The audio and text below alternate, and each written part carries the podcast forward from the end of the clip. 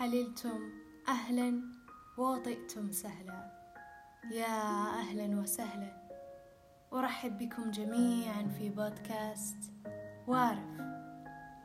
وارف بمعنى الطويل الممتد المتسع أو بمعنى النبات الناظر الشديد الخضرة. لذلك في بودكاست وارف هنا المكان الرحب المتسع لكم جميعا.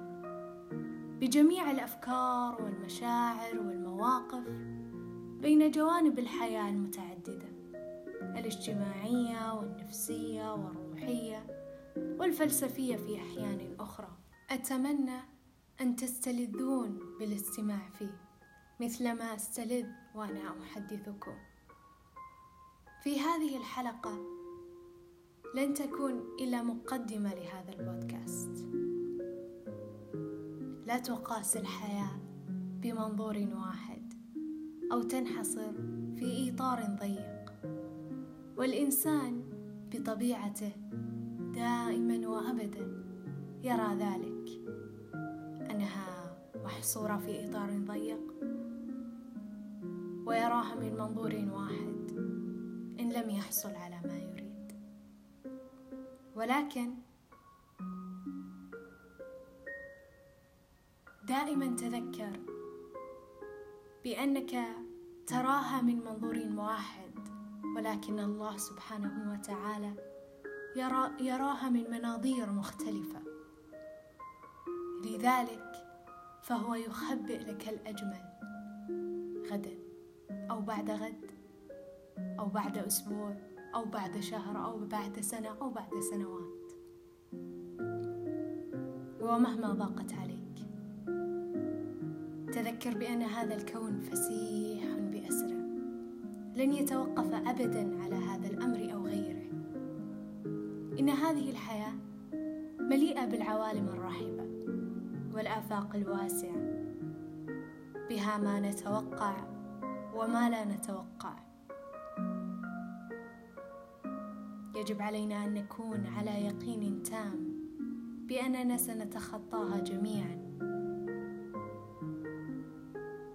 فقط إن عرفنا مواطن قوتنا.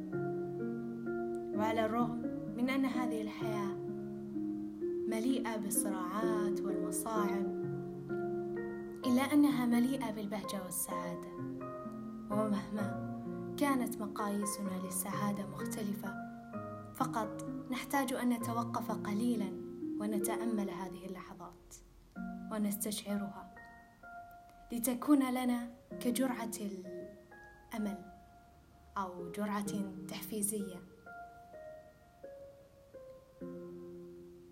مثل المسحة الطبية لجروحنا أو مثل الويكند بعد أسبوع مليء بالصراعات والأعمال والمشاغل.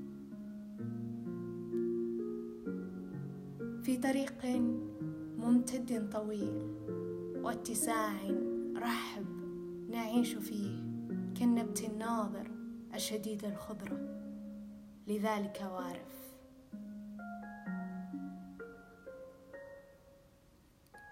شكرا من القلب لكل من دعم هذا البودكاست. وشكرا لكم أنتم على استماعكم. أتمنى لكم اياما مليئة بالبهجة والسعادة. وإلى اللقاء.